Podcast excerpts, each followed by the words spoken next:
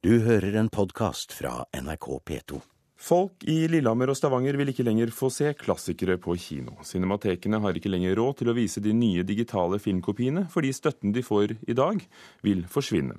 Det betyr nedleggelse til neste år. Enn så lenge vises klassikere hver torsdag. I dag er det Alfred Hitchcocks 'Mannen som visste for meget' som gjøres klar. Filmene kommer i sånne her eksterne harddisker. En veldig stor ekstern harddisk hvor filmen ligger inni. Leder for Cinemateket i Kristiansand, Irene Torp Halvorsen, forbereder til filmvisning i kveld. Hitchcock-klassikeren er denne ukens torsdagsfilm som vises på de syv cinematekene rundt om i landet. Men til neste år er gamle klassikere historie. Nå avvikler bransjeorganisasjonen Film og Kino støtten til det digitale Cinematek-nettverket for neste år.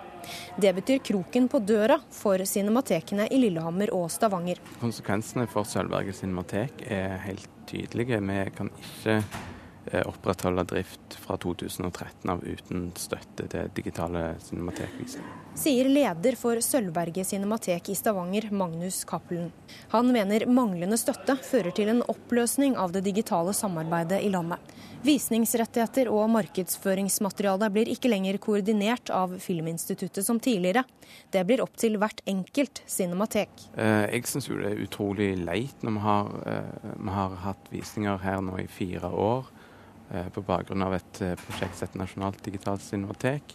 Sammenlignet oss med, med enda større byer som Bergen og Trondheim, så har vi høyere besøk her i Stavanger. Noe som jo viser at det er et eh, interesse for det og et behov for cinematek her i byen. Cinematekene som fortsetter videre drift vil slite økonomisk. Programbudsjettet for filmleie blir nær halvert for Cinemateket i Bergen, forteller leder Ole Petter Bakken. På spørsmålet om hvorfor Cinemateket i Stavanger og Lillehammer ikke klarer seg uten støtte, svarer kinosjef i Lillehammer Maren Ørstegård Tomren dette. De andre cinematekene, slik jeg vet, mottar vel annen form for driftsstøtte. Mens dere er da helt avhengig av støtten dere får fra film og kino? Ja, vi er helt avhengig av den.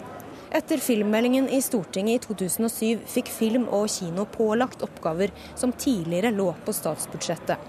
En nedgang i DVD-salget er også en av årsakene til at de stanser den digitale støtten. Det forteller administrerende direktør Lene Løken. Kortsiktig så må Kulturdepartementet ta flere oppgaver tilbake. Cinematekene bør f.eks. legges inn igjen på statsbudsjettet. Det er jo Kulturdepartementet som har ansvaret for dette. De har lagt en rekke oppgaver på oss som ikke vi har inntekter til, og de gjør ikke noe med denne situasjonen umiddelbart. Vi har nettopp lagt fram et statsbudsjett med stor satsing på film. Nær 40 millioner mer til film, men Cinematekene er ikke inne i vårt forslag nå. Det sier statssekretær i Kulturdepartementet Mino Gerhardsen. Ehm, nå jobber vi med en forskrift på å se på hvilke oppgaver film og kino skal ha eh, framover. Men det viktigste nå er å øke inntektene til film og kino. Og der jobber vi med en ny avgift. Dagens inntekt er basert på en DVD-avgift. Folk kjøper ikke DVD lenger. De ser på klikkefilm. Nå jobber vi fram en ny avgift på klikkefilm, men dette er komplisert, så det kan ta noe tid. Betyr det at cinematekene rundt om i landet ikke er like viktig som Cinemateket i Oslo? På ingen måte. Det er ikke noe forskjell her, men det er rett og slett plasseringen av Cinemateket i Oslo innenfor NFI som gjør det at det har blitt plassert i en særstilling. Sa statssekretær i Kulturdepartementet Mina Gerhardsen til reporter Trine Leian. Norske politikerbiografier lånes nesten ikke ut ved bibliotekene. En oversikt gjort av Bibliofil viser at interessen for norske politikeres memoarer og tanker er laber. Carita Bekkemellems 'Mitt røde hjerte' er utlånt 150 ganger hittil i år. 87 har tatt med seg Carl I. Hagens 'Ærlig talt', mens 41 personer har lånt biografien til Lars Sponheim. Publikum på biblioteket er lei politiske biografier.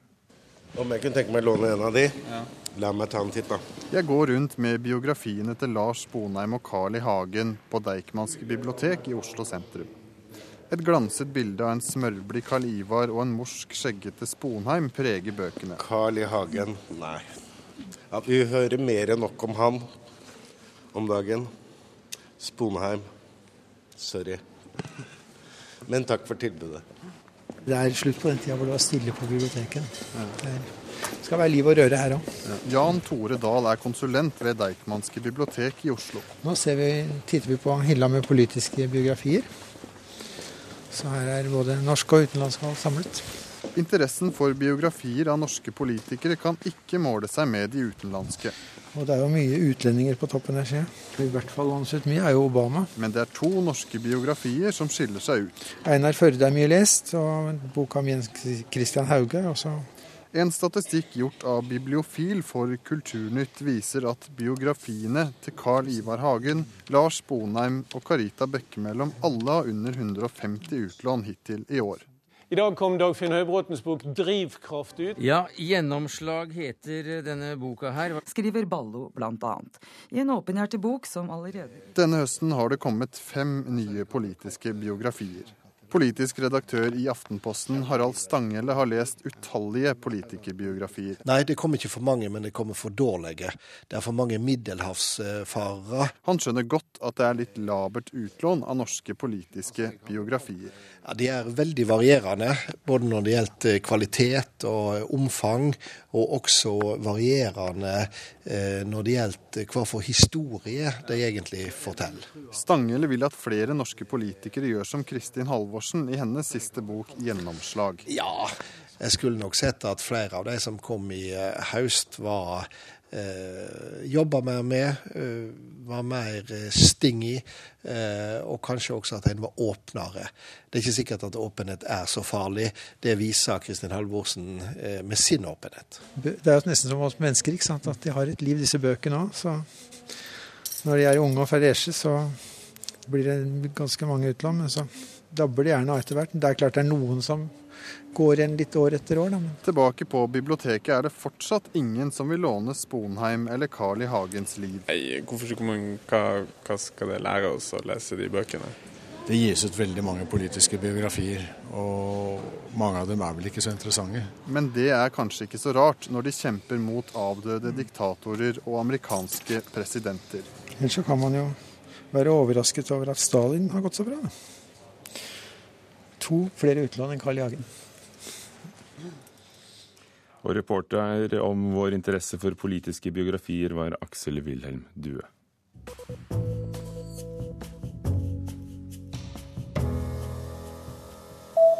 Årets store julefilm fra Hollywood, 'Hobbiten', krever nye investeringer i norske kinoer, på tross av at utstyret er både nytt og godt og oppgradert for 360 millioner kroner. Dette skriver Dagens Næringsliv. 'Hobbiten' har nemlig dobbelt så mange bilder per sekund som vanlige filmer, og det koster 30 000 kroner ekstra å vise per sal.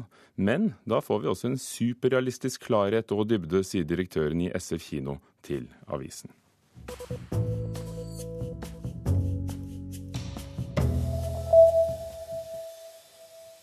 Nettbrettene blir et uh, stadig vanligere syn i barnehager, mens noen omfavner dem som et godt pedagogisk verktøy, er andre skeptiske til å introdusere barna for teknologi så tidlig. Et løpsspill ut av tog. Det er livlig rundt bordet i Rensåsen barnehage i Bodø. For i likhet med mange av landets barnehager har de fått nettbrett. Vi bruker det som, som et verktøy i pedagogiske sammenhenger for å oppnå andre ting. Og så er det jo et, det er jo et, et middel også i seg sjøl, sånn som de holder på nå med, med, litt glede og rekreasjon. Så de syns jo det, det er veldig artig. Nettbrettene er gode pedagogiske verktøy, ifølge avdelingsleder Ellinor Myrvang.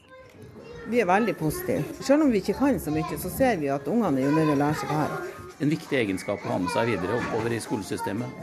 På besøk i barnehagen er Trond Ingebretsen. Han er leder ved Senter for IKT i utdanninga, og på oppdrag fra Kunnskapsdepartementet skal de sørge for at teknologi brukes mer i opplæringa, også i barnehagene. Det er positivt at eh, barn blir eksponert for teknologi. Vi tror det også er med på å stimulere læring. Alt fra tallforståelse, bokstavforståelse, finmotorikk og engasjement. Ingebretsen mener at barnehagebarn med brett vil bli et langt vanligere syn i fremtida. Jeg tror at nettbrett er et, et, nødvendig verktøy i barnehagene. Og jeg tror at det er et verktøy som er kommet for å bli. Og jeg tror om noen år så er nettbrettet like naturlig som boken. På den ene side så er det barn og unge som sitter for mye stille, de legger på seg, blir inaktive. Og, og så har du på den andre side at vi skal på en måte ha den digitale utviklinga inn og gjøre barn rustet til fremtiden. Men at alt skal på en måte starte i barnehagen. Det er styrer Liv Haaland i Breivika barnehage skeptisk til. Hun mener det er annen læring som er langt viktigere enn teknologisk ekspertise når ungene er så små, og ønsker at barnehagen skal få være en frisone hvor leken ikke foregår på rumpa fremfor en skjerm. For jeg tror at det kan være sånn at om en 10-15 år så kanskje forskning vil vise at de minste barna har ikke godt ut av det. Men Ingebretsen mener det ikke er noen fare så lenge nettbrettene brukes på riktig måte. Så jeg tror ikke det er noen motsetning mellom stillesitting og fornuftig bruk av nettbrett i en barnehage. Nettbrettet skal ikke medføre mer stillesitting, men det skal medføre lek på en litt annen måte. Hopp over det! Hopp over det! Reporter her, Sara Marie Bjelvin. Du hører en podkast fra NRK P2. Nå til ukens premierefilm, regissør Nils Gaups nyinnspilling av den klassiske etter hvert Reisen til julestjernen. Forventningene er høye, og vår anmelder Thomas Alkjær har sett den. Du kan historien. Prinsesse Gulltopp luras ut i skogen av den onde greven for å lete efter julstjärnan. Hon försvinner men dyker upp några år senare på slottet som Sonja och hjälper den sorgtyngda kungen att finna julstjärnan. Jeg skal finne julestjernen til deg. Jeg har lett etter julestjernen i ni år, jeg, Sonja.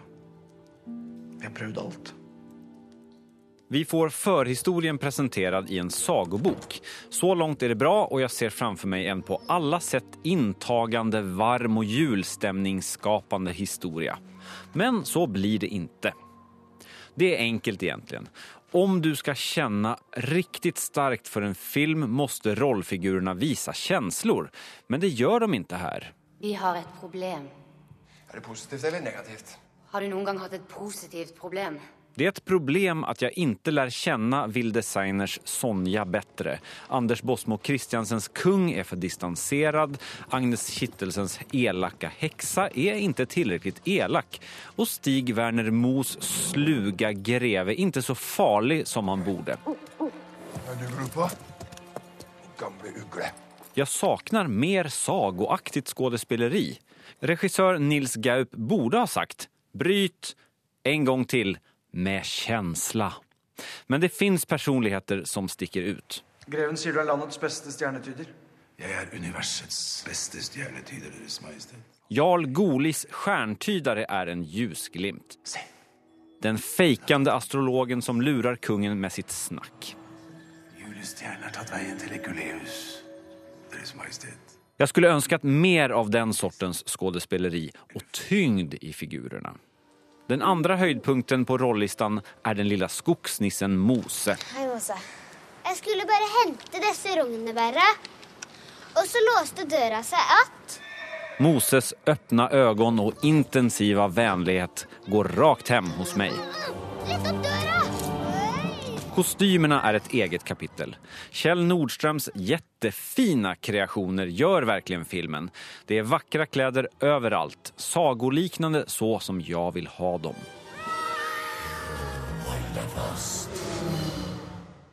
Det finns också några bra fantasysekvenser, men det räcker inte. Frågan är om Nils Gaups film klarar att ta över traditionsbärarrollen som Ola Solums film haft sedan 1976. Solums film har det som Gaups saknar. Värme, humor och en riktigt farlig skurk. Den nye Reisen til julestjernen blir antagligen en publiksuksess, trots at filmen langt ifrån er så bra som den borde være. Thomas Alkjær hadde sett 'Reisen til julestjernen'. Det er satt ny besøksrekord i Trollstigen, den halsbrekkende veistrekningen i Rauma i Møre og Romsdal. 750 000 mennesker har passert Trollstigen i år, etter at veien ble utbedret og Statens vegvesen gjorde den til nasjonal turistvei. Det var litt spesielt med disse svingene og ned igjen og utsikter der. Og... Ingenting. Det er kjedelig, da. Hvorfor det, da? Var ikke det fint, det? Jo, det var fint, men det var fortsatt kjedelig. Det er ikke alle som har oppdaga sjarmen ved de krokete veiene over Trollstigen, men det blir stadig flere. Bare i år har 750 000 passert turistveien, og det er ny rekord. Turistsjef Hilde Gråberg Bakke syns det er glimrende. Det er en fantastisk eh, måling som er foretatt, og vi er selvfølgelig kjempeglade for det. Men Trollstigen eh, er kanskje ikke det mest opplagte valget for barn og unge? Det har du helt rett i, men samtidig så har vi massevis av spennende ting å tilby. Sykkel på Trollstigen. Kløvstien som klatrer langs fjellsida. Her kan du oppleve basehopp på nært hold. Eh, Trollstigen er spennende for alle aldre. I sommer ble Trollstigen oppgradert til nasjonal turistvei. Det ble åpna kafé og utsiktspunkt, og nå skal også parkeringsplassen utvides for å unngå trafikkaos igjen. Dermed blir det kanskje enda flere som legger turen dit. Kan nok sikkert dit en eller annen gang, da. Men ikke i dag? Nei. Har du tenkt deg til Trollstigen med det første? Så får tida, altså. Sier det sånn, ligger det i ruta, så tar vi den omveien. Reporter Synnøve Hole hadde snakket med mennesker om Trollstigen, og arkitekten bak det nye utkikkspunktet og besøkssenteret på Trollstigen, Reiulf Ramstad, er glad for at så mange ser stedet. Det er jo hyggelig eh, at eh, de prosjektene vi er med å tegne på, blir eh, vekker interesse. Og vi har jo holdt på med det prosjektet vi vant til konkurransen i 2004.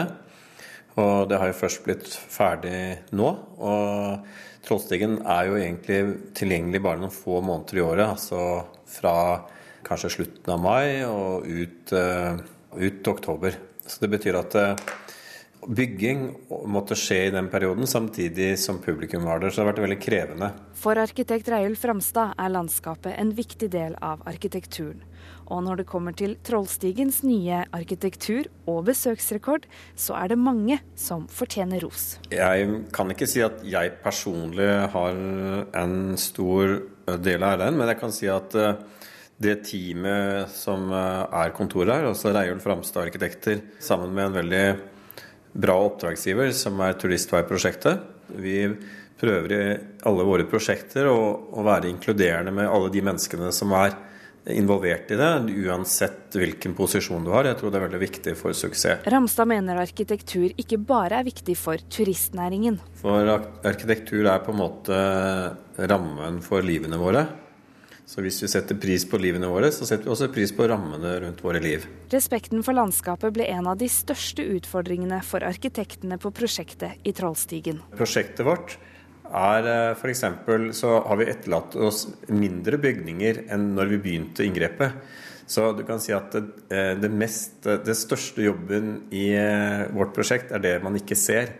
Det er nettopp den store ryddingen. Og det tror jeg også arkitektur veldig mye består av å redefinere stedet. og Det betyr kanskje at arkitektens oppgave i enkelte sammenhenger er nødvendigvis ikke å lage mer bygninger, men kanskje mindre bygninger. Når vi kom, begynte der oppe, så var det fem forskjellige parkeringsplasser spredd rundt i landskapet. Og det var eh, gangtrafikk, biltrafikk, som var, var i en helt sånn rotete sekvens, som også gjør det utrygt f.eks. For, for barn å ferdes i området. ikke sant? Så mye av vår, eh, vår oppgave er på en måte med vår metode å jobbe på, var å, å få løst disse problemene. Og så på en måte finne de elementene som var med på å få dette til å, å bli vakkert. Reiulf Ramstad, arkitekten bak eh, Trollstigen som en del av nasjonale turistveier. I ti år har franske sykehus hatt konserter for pasientene, og nå skal myndighetene også innføre et sertifikat, kultur og helse, label culture et santé. Dette for å sikre seg at sykehusenes kulturtilbud med sertifikatet holder mål. Vi tar turen til et pasientrom på sykehuset Saint-Perrin i Vest-Paris.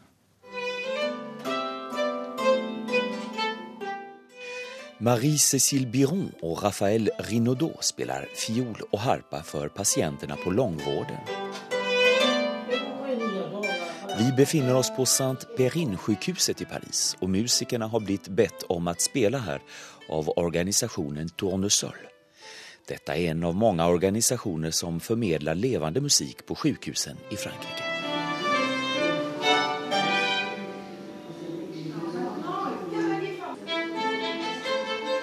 De fleste av landets sjukhus erbjuder regelbundet liveforestillinger i sjukhuslokalene for sine pasienter.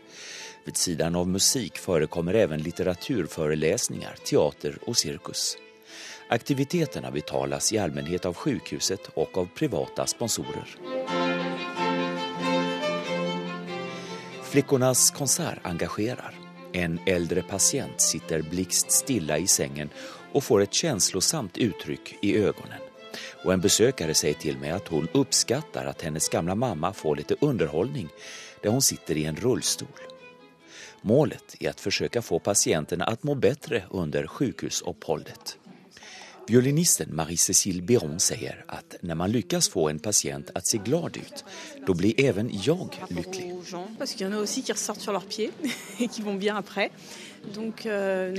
Når Marie-Cécile og Rafael spelat ferdig i et patientrum går de videre til neste.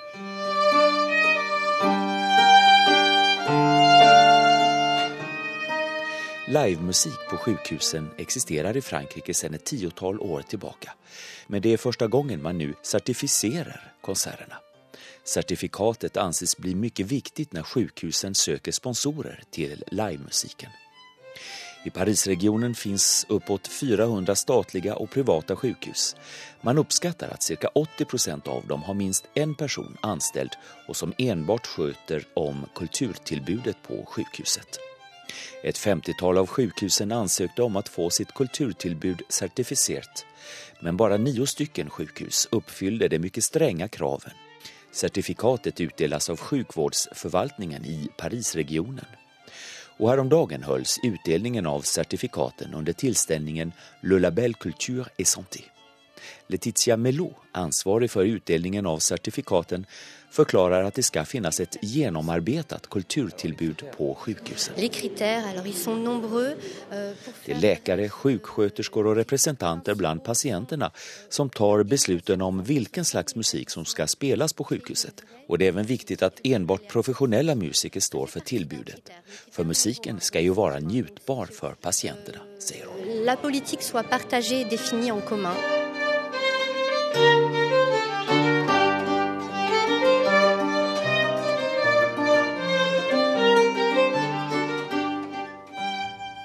Og reporter på sykehuset i Paris, Johan Tolgert. I Kulturnytt i dag har vi hørt at cinematekene går harde tider i møte når støtten blir borte. Lillehammer og Stavanger legger ned neste år. Enn så lenge. I kveld skal Doris Day og James Stewart uh, vises for landets cinemateker i Hitchcock-klassikeren 'Mannen som visste for meget'. Så vi sier som Doris Day, que sera, sera. Det som blir, det blir. Og så hørte vi også at veldig få låner politikernes biografier. Harald Stanghell i Aftenposten tror det er fordi de er middelmådige. Dette er Kulturnytt i P2s Nyhetsmorgen. Hanne Lunås var teknisk ansvarlig, Eivind Våge produsent og Ugo Fermariello programleder. Du har hørt en podkast fra NRK P2.